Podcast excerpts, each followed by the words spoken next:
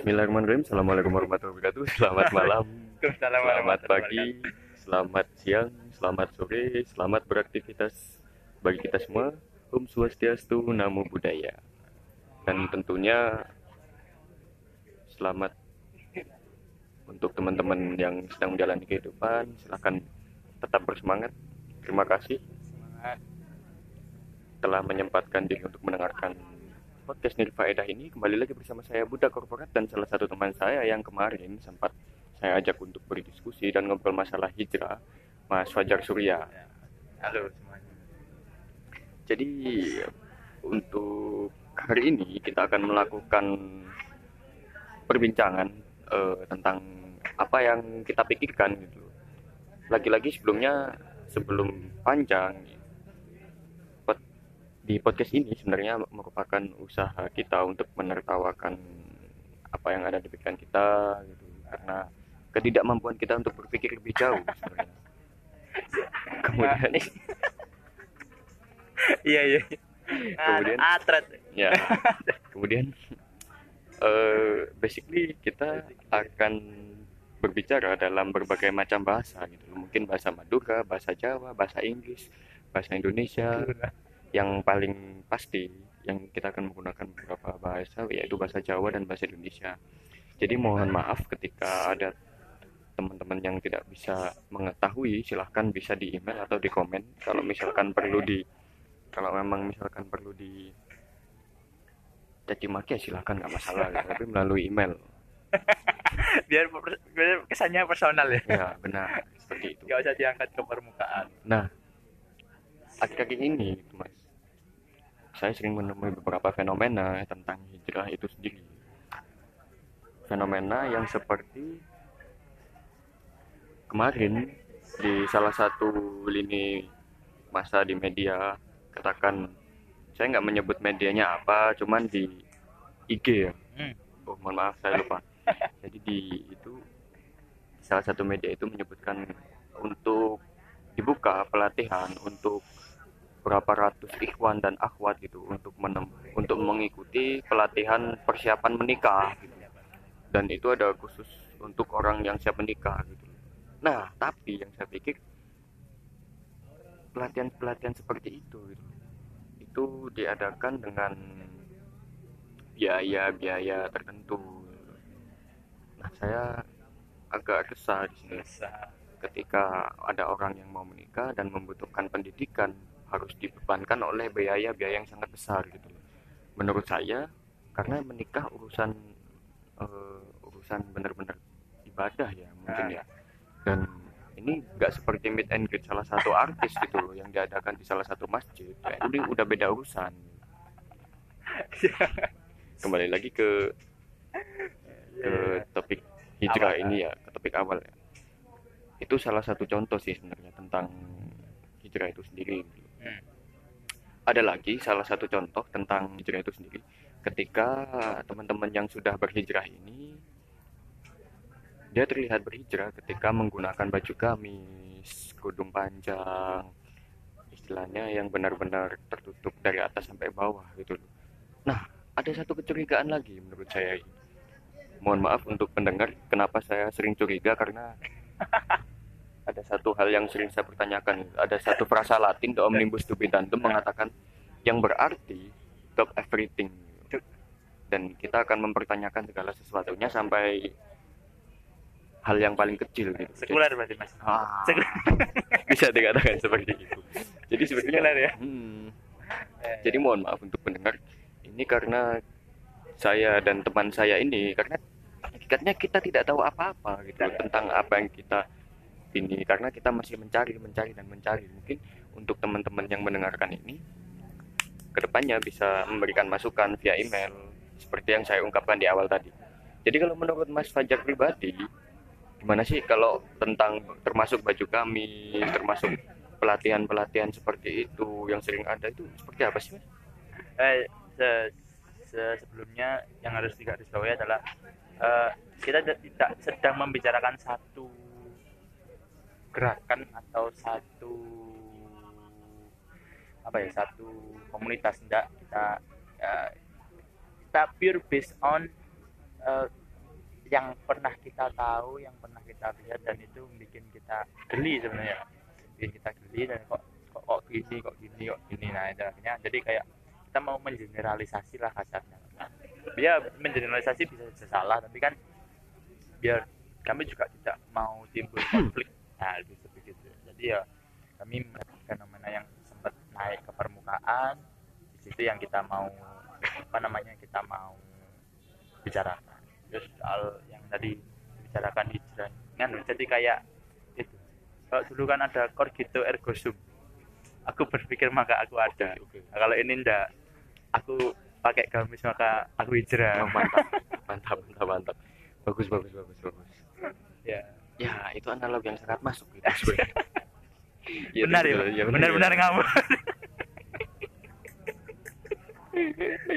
ya ya bisa bisa dilanjutkan silakan silakan ya, saya saya speechless loh ini. ya, ya itu ya apa ya jadi ya ya itu tadi kayak eh, akhirnya kayak semacam gini kalau ada komersialisasi agama nah, nah, kita kita nggak ngomongkan kita nggak ngomongkan soal politik ya. Itu terlalu berat lah.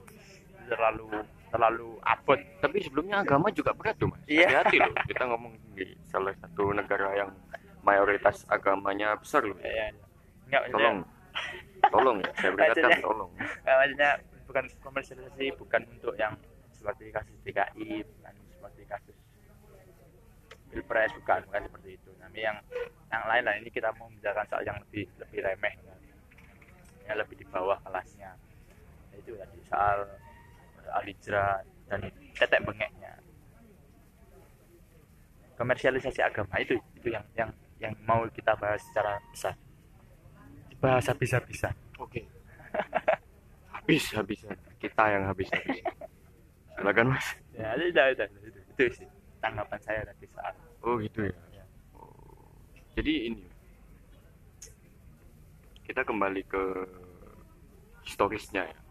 Hijrah kalau di Indonesia sendiri sebenarnya apa yang apa yang terjadi di Indonesia sendiri gitu loh. Saya mengutip dari salah satu laman yang menceritakan tentang sejarah hijrah yang ada di Indonesia ini sebenarnya. Eh, sebelumnya ini yang mencakup masalah hijrah tentang artis beberapa artis-artis yang hijrah ya. katakan Ast- Astri Ivo atau Inneke Koserawati artis-artis dari generasi lawas lah istilahnya baby, Baby boomer. ya artis-artis baby boomer ya 90 tahun lah eh 90-an itu udah ada fenomena hijrah sih nah ini didukung di salah satu buku karangan Prof. Ari Larianto identitas dan Ari Larianto. identitas dan kenikmatan gitu. Ketika 90-an islamisasi di Indonesia itu menguat karena rezim Soeharto mulai memberi angin pada kelompok-kelompok Islam dari berbagai orientasi ideologi ya untuk masuk ke pemerintahan. Salah satunya itu dengan bentuk cendekiawan Muslim Indonesia. Nah ICMI ICMI Ikatan Cendekiawan Muslim. Indonesia.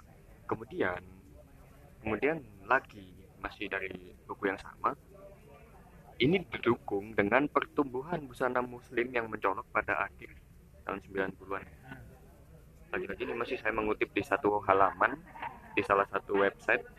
Bisa dibuka di story ya. Mohon maaf sebelumnya. Menurut saya ini menarik. Eh, jilbab dan busana rupanya ini udah mencolok gitu loh. Udah Ah. udah sudah sudah ada. udah ad- sudah ada lama gitu. tapi kenapa kok semakin ke sini semakin ke sini fenomena hijrah dengan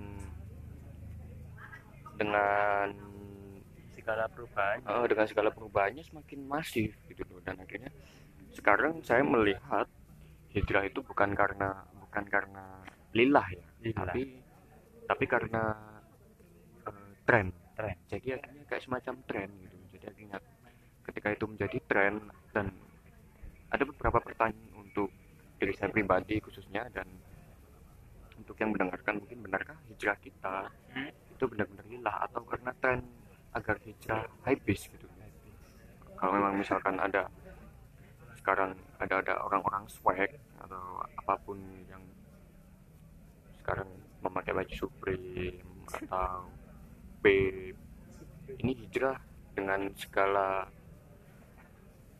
keunikannya gitu menonjolkan sisi keislaman nah pertanyaannya dari hijrah itu sendiri karena kalau memang misalkan saya sebagai orang yang tidak mampu Ah. gitu, saya sebagai orang yang tidak mampu bisakah saya berhijrah ketika saya tidak bisa membeli baju gamis itu atau saya tidak mengikuti pelatihan-pelatihan seperti yang kita awalkan di kita omongkan di awal podcast ini. Ya. kalau menurut mas sendiri gimana sih? Le- ini pakai jawaban yang serius ya? Pakai jawaban. Bercanda juga nggak apa jawaban serius ya hanya ya bisa. Harusnya ya bisa ya kan? Karena pernah ada nggak tahu ya? Ah, saya saya lupa namanya. Sahabat itu sahabat nabi. Dia itu dulu pernah dia punya dia punya seorang istri eh, ketika az- ketika akan sholat jamaah itu dia selalu terburu-buru untuk segera pulang. Eh, ber- beberapa kali seperti itu Nabi melihat dan Nabi tanya eh kena kena kena kena- kenapa kok wong iki cepet-cepet mulih? Kok gak kok gak dungo kok gak kok gak zikir kok gak akhirnya orang-orang tahu bahwa dia harus bergantian sama istrinya jadi salah tahu nggak tahu ya tuh nggak tahu ya di Arab itu udah ada sarung apa enggak nggak tahu. Jadi kayak semacam pakaian yang digunakan sholat itu bergantian dengan istrinya. Jadi ketika dia sholat, sholat, sholat dia langsung pulang untuk biar istrinya itu juga sempat setidaknya sholat jamaah di masjid meskipun katakanlah kloter kedua lah katakanlah kayak gitu. Saya curiga kalau di Arab itu nggak ada sarung sebenarnya. Soalnya nggak ada gajah. Karena gajah duduk cuma ada di Indonesia mohon maaf mohon maaf. Lanjut lanjut.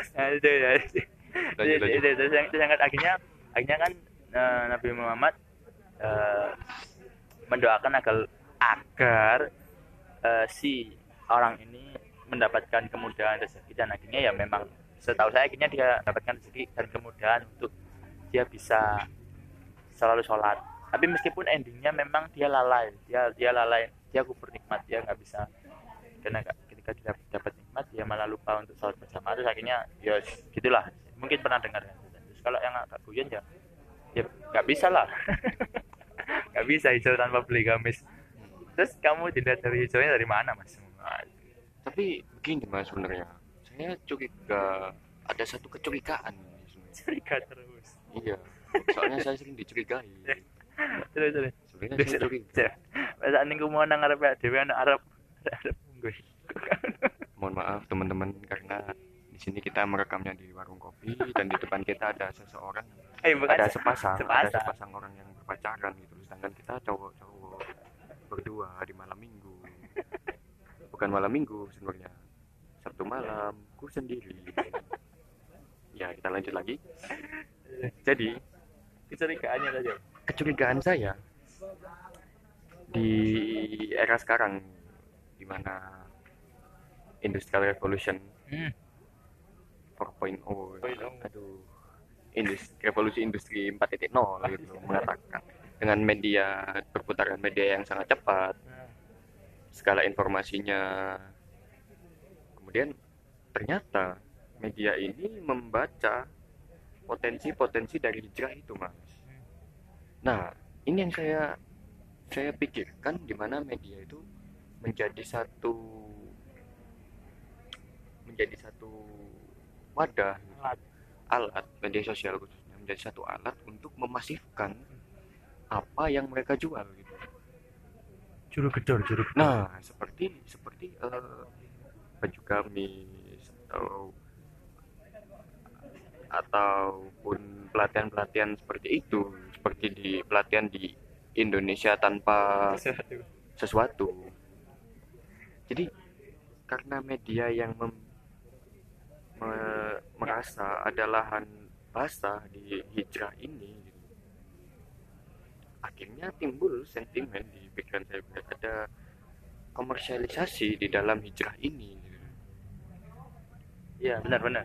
Saya setuju. Iya, iya nggak sih? Iya Iya, nggak sih? saya Nah, ini tidak terlepas dari komersialisasi itu sendiri gitu. Hmm. dan akhirnya muncul anggapan bahwa segala sesuatu yang ada di Indonesia ini atau yang dikenakan oleh masyarakat harus memiliki label halal harus semuanya harus berlabel halal harus berdasarkan atas agama Islam gitu loh. Dan akhirnya saya curiga sebenarnya yang memainkan ini siapa sih sebenarnya? Atau ada pihak-pihak yang memiliki kepentingan dalam hijrah itu sendiri? Jadi seperti salah satu artis yang berhijrah dan mendirikan satu usaha di Malang. Oh iya. Saya nggak tahu. Ada salah Ah. satu artis yang mendirikan nah, kalau nggak salah Malang apa gitu dia dulu artis terkenal. Hmm. Ah, iya, iya. sebut saja dia sempat bikin jajan kok di Malang. Kalau jajan tuh banyak kak sih? Artis bikin jajan tuh banyak. Ya, ya itulah. Pokoknya salah salah satu suami dari siapa? Sungkar gitu. Iya iya iya iya. nah di kasus ini saya berpikir kalau ada kapitalisasi. Mm-mm. Atau komersialisasi Ya. dari hijrah itu sendiri dan Ya. semakin menye- meresahkan saya Ya. gitu saya juga rasa Nah, ini agak lucu lagi ketika ketika begini. Yang saya resahkan ketika mereka yang menjual produk ini, ketika produknya nggak laku, mereka harus menimbulkan sensasi lagi. Mereka keluar dan nggak berhijrah, melepas jilbabnya, akhirnya mereka berhijrah lagi. ini ini mungkin anu apa jenenge satu spekulasi ya Kritis, ya kedus dusta. mungkin ini eh, semacam spekulasi dari saya pribadi ah, ya iya, iya. spekulasi saja. Nah, jadi komersialisasi yang secara masif ini saya ingin yang ingin saya tanyakan di kultur yang ada di Jember khususnya. Karena. Mas kan yang sempat di Jember. Ya. Itu seperti apa gitu di di sana? Apakah sama seperti di tempat-tempat lain atau ini cuma terjadi di salah satu kota-kota besar atau seperti apa gitu? Kayaknya kalau di Jember nggak sekeras itu ya. Mesti ya ada orang hijrah ada orang hijrah. Banyak. Ya ya saya selalu mendoakan agar mereka tetap istiqomah. Dan nggak lupa untuk baca literasi sih yang itu, itu yang itu yang pasti. Soal eh, jadi mungkin kayaknya kayaknya itu belum bukan enggak tapi belum sampai ke harus ada labelisasi halal. Eh halam halal.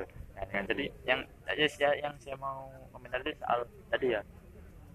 Eh, soal kapitalisasi eh, komersialisasi agama. Ya sama lah kapitalisasi agama kan. Itu juga itu juga apa ya nggak nggak nggak nggak. Saya nggak setuju nggak setuju gini. Kalau memang dari awal kedoknya cari uang ya sudah ya sudah nah, nggak usah. Kalau kasarnya itu nggak usah clickbait. Oke, Nah, clickbait. kayak clickbait. kata kayak kita. Ya kayak kita. Nggak jelek memang niatnya itu kan kita kita tapi kita jujur kita bikin ini bukan untuk cari uang. Enggak lah kita kita pengen cari wadah untuk ngajar. Kita pengen cari wadah untuk menuangkan keresahan.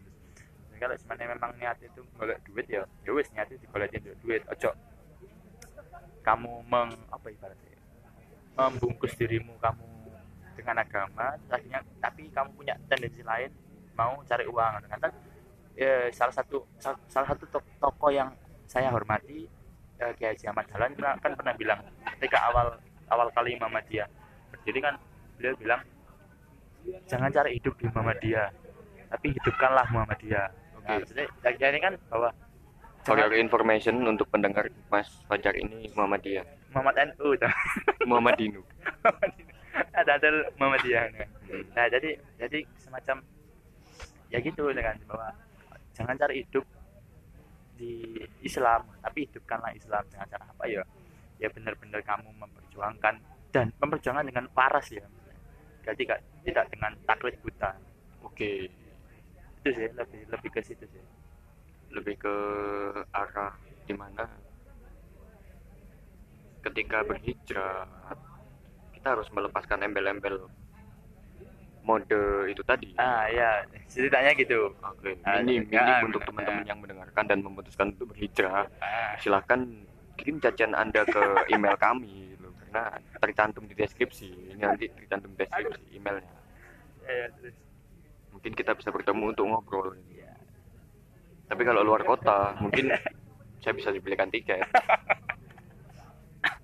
lagi-lagi tapi ini semakin menarik mas Hmm. menurut saya di mana ketika ya siapa sih ada anggapan di masyarakat yang mengatakan yang mengatakan bahwa eh, uang bukan segalanya. Uang bukan segalanya. Tapi segalanya butuh uang. Segalanya butuh nah uang. termasuk orang-orang yang berhijrah ini. Nah, saya saya bentar ya. saya tuh pernah mengkritisi masalah parkiran di Surabaya loh. Oke oke. Gimana? Aku nang aku nang jember iku parkir sewu. Iya. balik nang kene 2000 rasane ku jancuk larang. Itu masih di Surabaya mas. Kalau misalkan di Jakarta itu di atas 2000 ada yang 4000 5000 karena saya satu waktu parkir di satu tempat satu tempat. Heeh. belinya habisnya berapa? Di beli di di Indomaret Ah. kebetulan di daerah di Jakarta. Ah. gitu. Jakarta. Saya sempat beli di Indomaret itu. Beli teh Javana Oh, karena uang saya cuma 5000 dengan harga teh Javana. Teh itu 3.000 lah. 3000 dan parkirnya yang motor yang saya bawa ternyata 4000 dan uang saya kurang 2000 dan akhirnya ya saya menangis. Oh macet. Nah, tapi, itu ya. tapi kita kembali lagi. Eh, kembali lagi. Itu cuman intermezzo ya. Kita kembali lagi. Menurut Quraish Shihab gitu ada poin yang cukup penting dalam berhijrah gitu loh. Di mana hijrah adalah usaha maksimal yang dilakukan. Mohon maaf ada suara motor ini orang-orang sedang bersiap untuk balapan. Nah ini. Nah ya ya.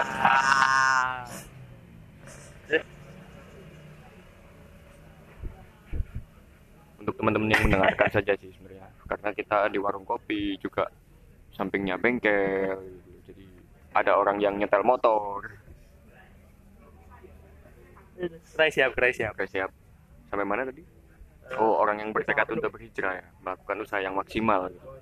nah saya curiga mungkin orang yang berhijrah ini me- ketika tahu apa yang disampaikan Quraish Siap ini menerima secara mentah-mentah tentang usaha itu usaha yang maksimal ini mungkin dipandang mereka sebagai satu momentum di mana ini bisa menabrakkan antara agama dan ekonomi gitu Totalitas.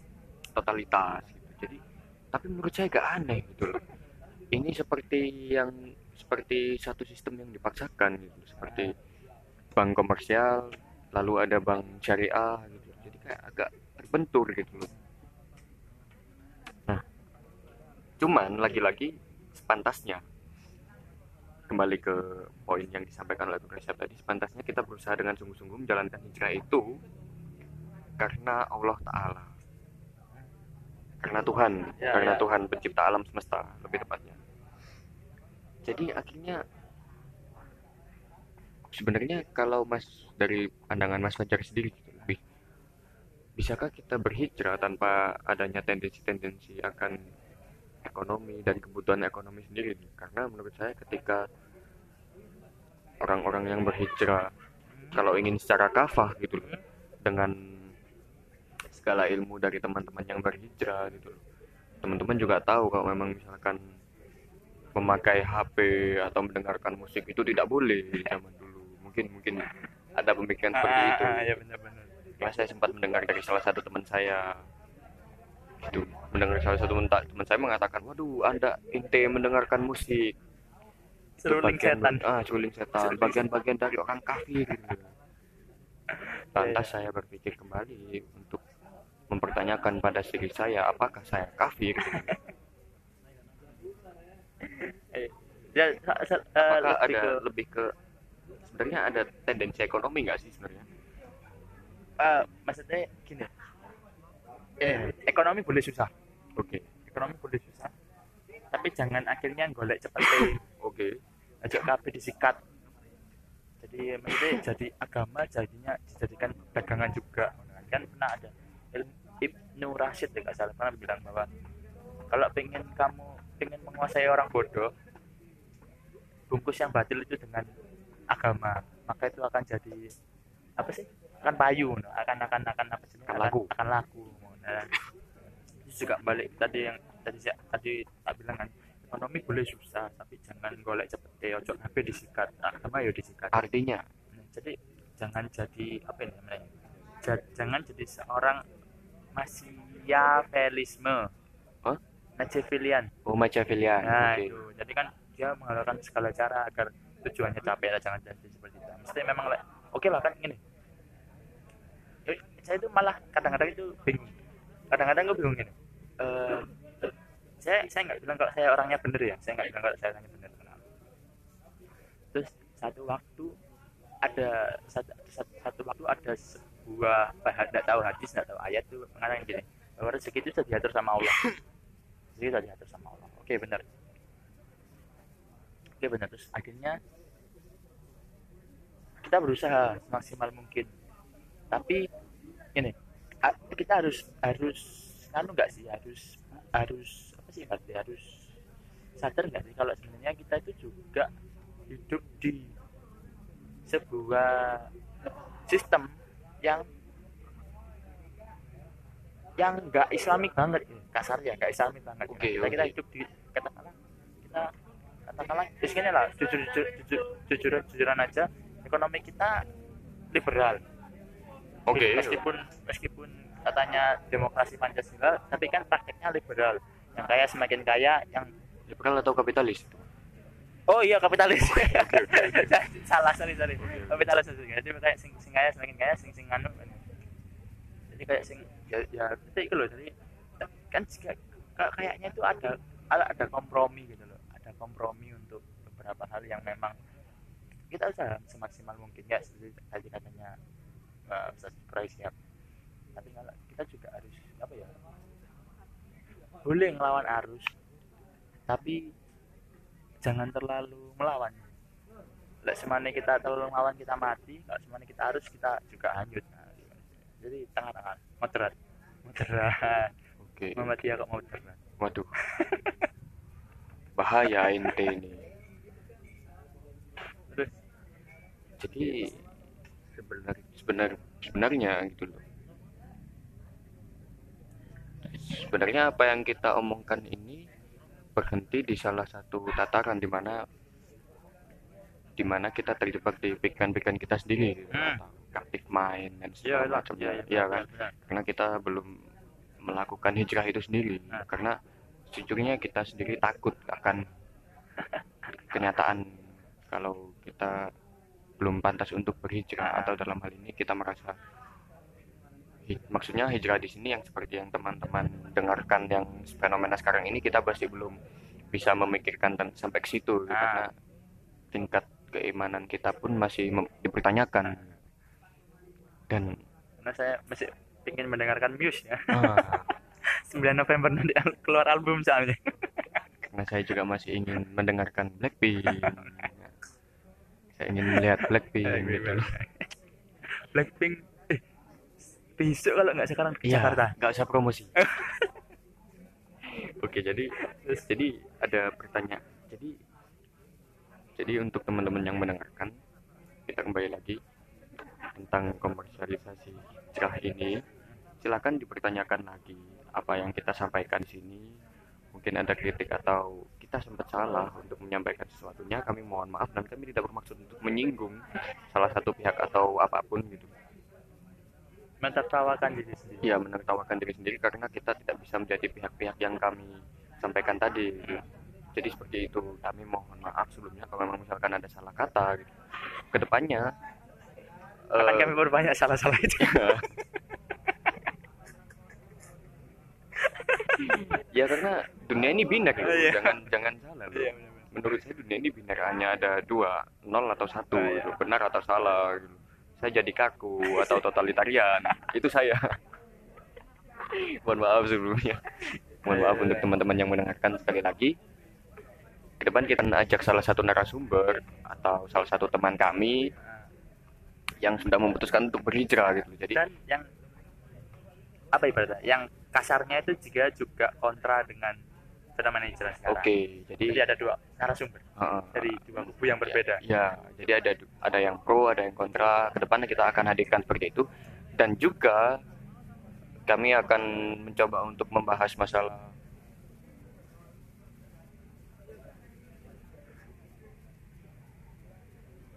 kami akan membahas masalah tentang pernikahan itu seperti yang digaungkan oleh Indonesia tanpa sesuatu. Kami akan membahas itu ke depannya gitu. Nah, jadi itu yang ingin kami bahas ke depannya dan pertama ada beberapa kesimpulan ketika kita membicarakan masalah hijrah ini. Benarkah hijrah kita atau hijrah teman-teman yang telah berhijrah itu benar-benar karena lillahi ta'ala dan yang kedua benarkah ketika teman-teman mendengarkan ini ini menjadi satu kebermanfaatan? Atau malah jadi bang kota. bang bang kota gitu. Jadi kami sebenarnya mohon Ya, maaf. sih ya. ya jadi kami mohon maaf sebelumnya kalau memang misalkan ada sat- ada perkataan kami yang tidak mengenakan kami mohon maaf sekali lagi. Iya. itu kesimpulan yang dapat kesimpulan dari perbincangan ini tadi. Benarkah? Sebentar. gini so- soalnya gini ada kesimpulan dari saya merupakan pertanyaan. Jadi, jadi- jadi gini jadi gini. ya. Gini. Eh, kalau ini harusnya harusnya harusnya juga orang-orang tahu sih ya. Orang-orang yang sudah hijrah maupun yang nggak hijrah harusnya tahu. Bahwa ada beberapa produk selain makanan ya. Kalau makanan Oke. oke lah itu sudah umum. Sudah sudah masif bahwa ada kayak ini halal ini apa ini, ini oleh MUI dilabeli halal di sini tuh ada produk yang agak menggelikan ketika itu dikasih.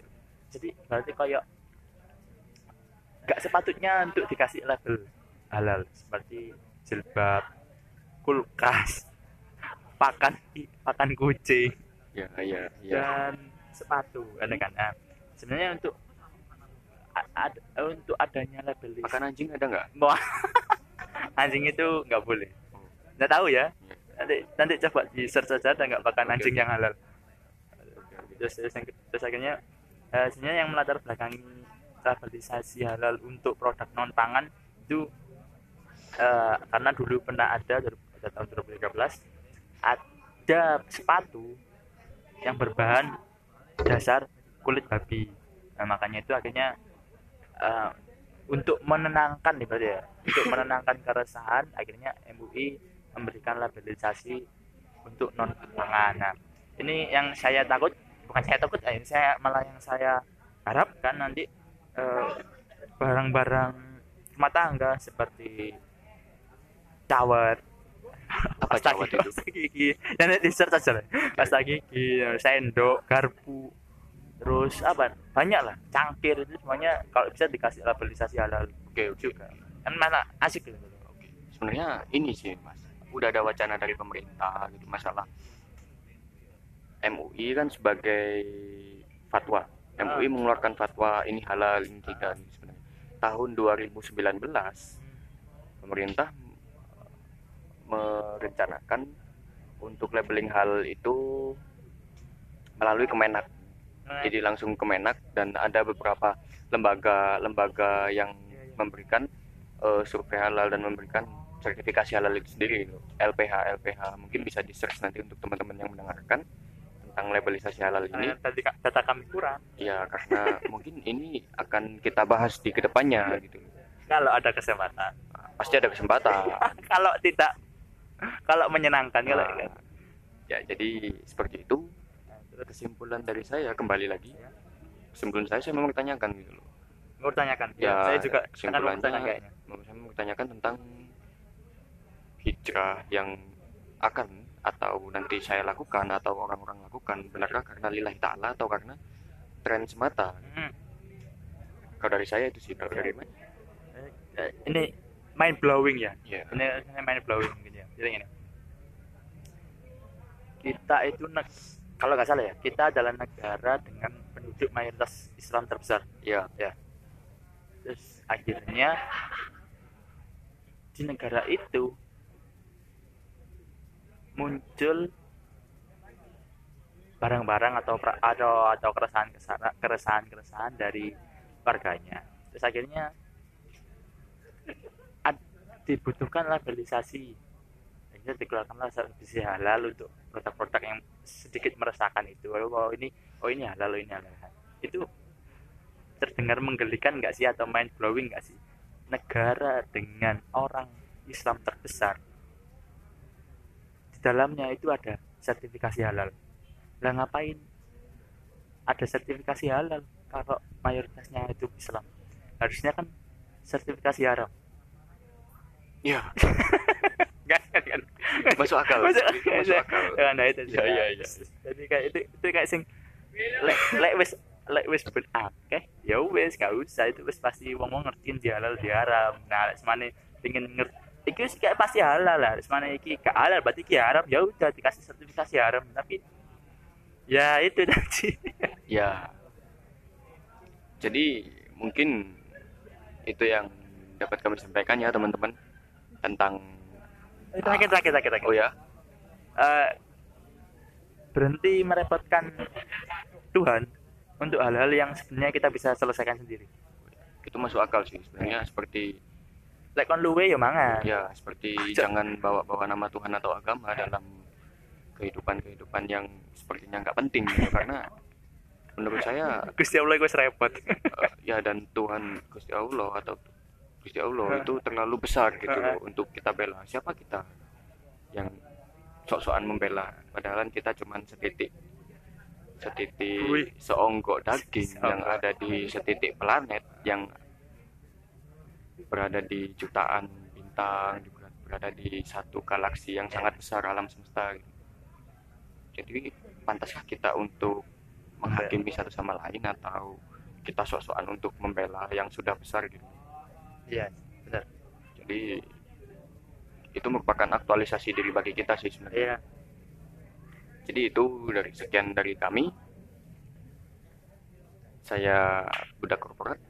Saya Fajar Surya dan kami mengucapkan sekali lagi mengucapkan mohon maaf Apabila- minkum wa takubal ya. Kami mohon maaf apabila ada salah kata, salah pengucapan. Silahkan bisa di-emailkan untuk cacian dan cat dan catatan-catatan yang perlu untuk kami karena kami menerima segala kritiknya. Nah, kemudian itu saja dari kami. Selamat pagi, selamat siang, selamat siang dan selamat sore. Assalamualaikum warahmatullahi wabarakatuh. Om Swastiastu, Namo Buddhaya.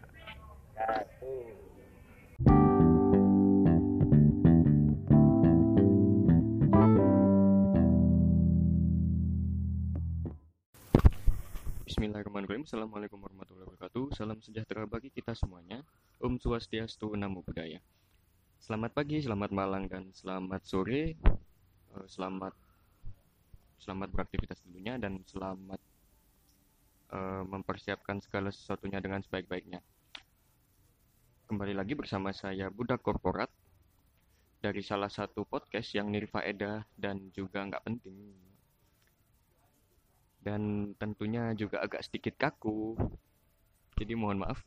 Podcast ini merupakan upaya dari saya dan rekan-rekan saya yang berkolaborasi untuk menciptakan konten di podcast ini sebagai upaya untuk menertawakan diri kita pribadi dan lucunya keadaan yang ada di hidup ini menurut kita. Sekali lagi itu menurut kita.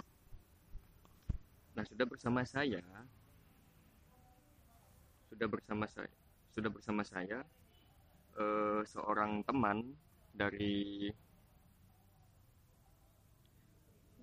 dari sini-sini aja kebetulan dari sini-sini aja dan dia salah satu sahabat dari kebetulan dia berada di Malang stay di Malang kuliah menempuh pendidikan di Malang dan sebenarnya asli Semarang. Jadi silahkan memperkenalkan diri. Ya, Assalamualaikum warahmatullahi wabarakatuh. Selamat malam, selamat pagi, selamat siang, selamat sore bagi teman-teman yang sedang mendengarkan podcast ini di waktu-waktu tersebut. Perkenalkan, nama saya Sasa, sarjana setengah hati yang mencoba untuk ya makin merasa bodoh di dunia yang sementara ini. Terima kasih. Oke, Mbak Sasa. Mbak Sasa ya. Siap, siap Mbak Sasa. Jadi seperti ini.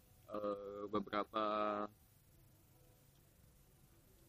beberapa hari ini gitu sebelumnya. Enggak beberapa hari ini. Sebenarnya eh, saya berpikiran untuk membedah ini udah lama sih sebenarnya. Tapi Hmm. saya coba untuk berpikir lagi berpikir lagi tentang eh, masalah bukan masalah sih sebenarnya tentang fenomena. Jadi beberapa tahun ini beberapa hari belakangan ini sering kita dengar masalah sering kita dengar masalah feminisme Hmm. sering kita dengar masalah perempuan Eh, dan kenapa saya untuk pendengar mungkin latar belakang saya mengajak Mbak Sasa berdiskusi karena dia ini aktif di gerakan keperempuanan yang mungkin ya lumayan besar sih sebenarnya meskipun baru. Nah, saya mau tanya ini Mbak Sasa. Iya. Jadi kalau gimana sih pandangan Mbak tentang apa yang terjadi di fenomena-fenomena hari-hari ini itu tentang Iya. gerakan-gerakan keperempuanan itu? Oke. Eh, awal mulanya sebelum saya berani ya masuk ke dalam sebuah gerakan yang sedang diupayakan untuk menjadi yang sebenar-benarnya gerakan, saya memulai untuk mempertanyakan sesuatu hal yang paling substansial gitu ya sama diri saya sendiri, yaitu mulai dari definisi perempuan, siapa perempuan, apa itu perempuan, dan lain sebagainya. Eh, dari beberapa buku yang diberikan teman saya kepada saya eh, yang nantinya akan saya sebutkan ya di deskripsi karena itu cukup banyak buku-buku yang saya eh, baca melal apa untuk dapat jawaban itu Eh, hingga pada akhirnya saya jadi menyadari sih teman-teman bahwa banyaknya fenomena yang terjadi hari ini itu saya rasa tidak eh, ada satu hal yang pasti hilang dari sana. Definisi itu sendiri terhadap sebuah uh, kebenaran atau mungkin yang diyakini seseorang tentang kebenaran itu berbeda-beda sehingga itu yang menyebabkan fenomena ini bermacam-macam gitu. Nah, jadi Mbak Mbak Sasa ya, Mbak Sasa sekali lagi Mbak Sasa. Eh, Mbak Sasa seperti ini. Eh, tadi kan Mbak sempat menyinggung masalah definisi ya, definisi perempuan.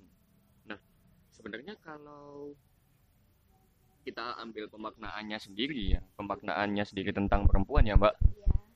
Eh, jadi kalau misalkan menurut KBBI itu kan ada dua sebenarnya ada dua tentang perempuan dan wanita. Kalau menurut. KBBI wanita itu merupakan perempuan yang sudah dewasa atau putri. Sedangkan kalau perempuan itu sendiri menurut KBBI berarti makhluk yang memiliki mohon maaf alat kelamin Mm-mm. bisa melahirkan anak, bisa hamil, atau istri ataupun bini. Mungkin itu sih. Oh, Jadi kalau menurut pandangan Mbak Sasa pribadi, perempuan itu seperti apa sih sebenarnya?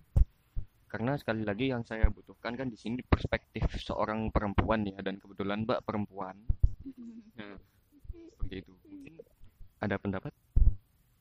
Eh, jujur saja nih saya nggak apa ya belum sebegitu mendalami ya dengan se- eh, makna kebahasaan dari dua kata ini perempuan atau wanita. Cuman eh, ketika membicarakan sesuatu seseorang atau fenomena yang terjadi maka saya lebih mudah gitu kalau ngomongnya pakai mewakili hal-hal itu mewakili subjek itu dengan kata perempuan. Kalau wanita itu lebih eh, wanita. Wanita-wanita gitu ya. Lebih apa ya?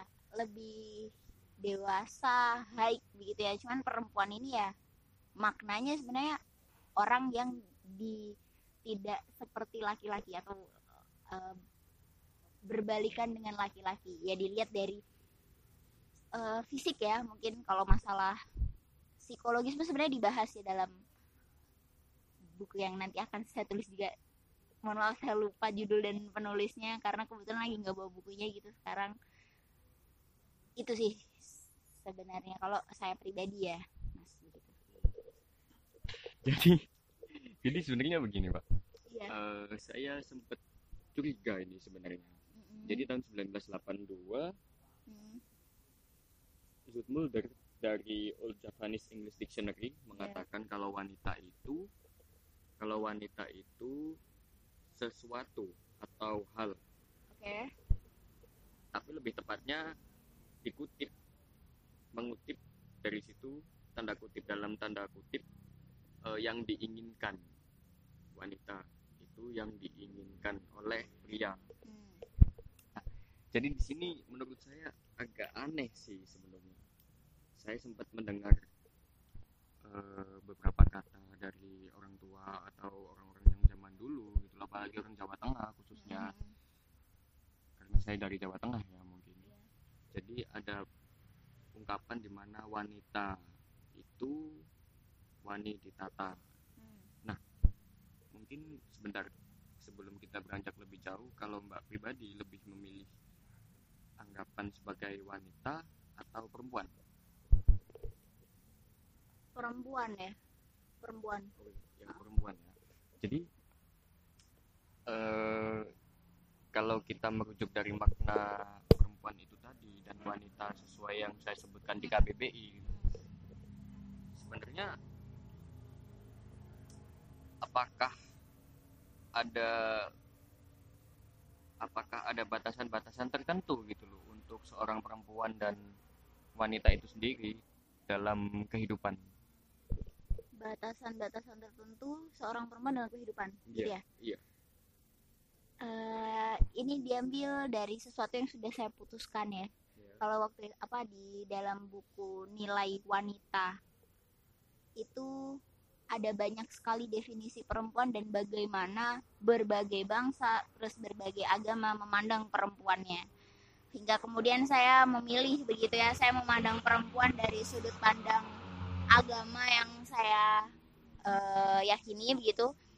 Yang mana batasan seorang perempuan ini ditentukan oleh satu konsep yang sudah ada dan tentu tidak dibuat oleh manusia ya yaitu syariat Islam itu sendiri. Karena kebetulan saya beragama eh, beragama Islam teman-teman sehingga mungkin beberapa hal dalam podcast kali ini akan saya jawab dari sudut pandang ini begitu. Karena ini satu konsep yang saya yakini begitu. Cuman ya balik lagi untuk bagaimananya eh, kita bisa ya udah santai aja gitu gitu jadi itu mas ada batasannya itu aja sebenarnya Oke.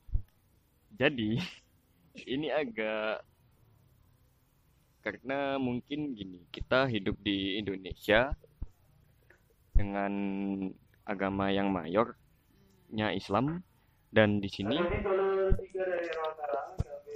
jadi mohon maaf kita merekamnya di stasiun ya ini dan ada beberapa suara dari pengumuman-pengumuman kereta.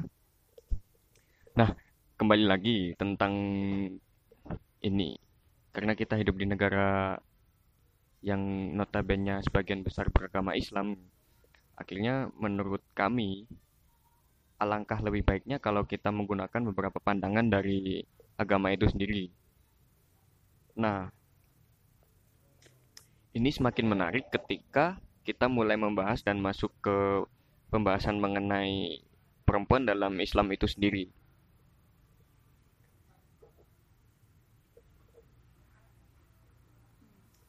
Kemudian ada beberapa ayat yang akan disampaikan oleh Mbak Sasa.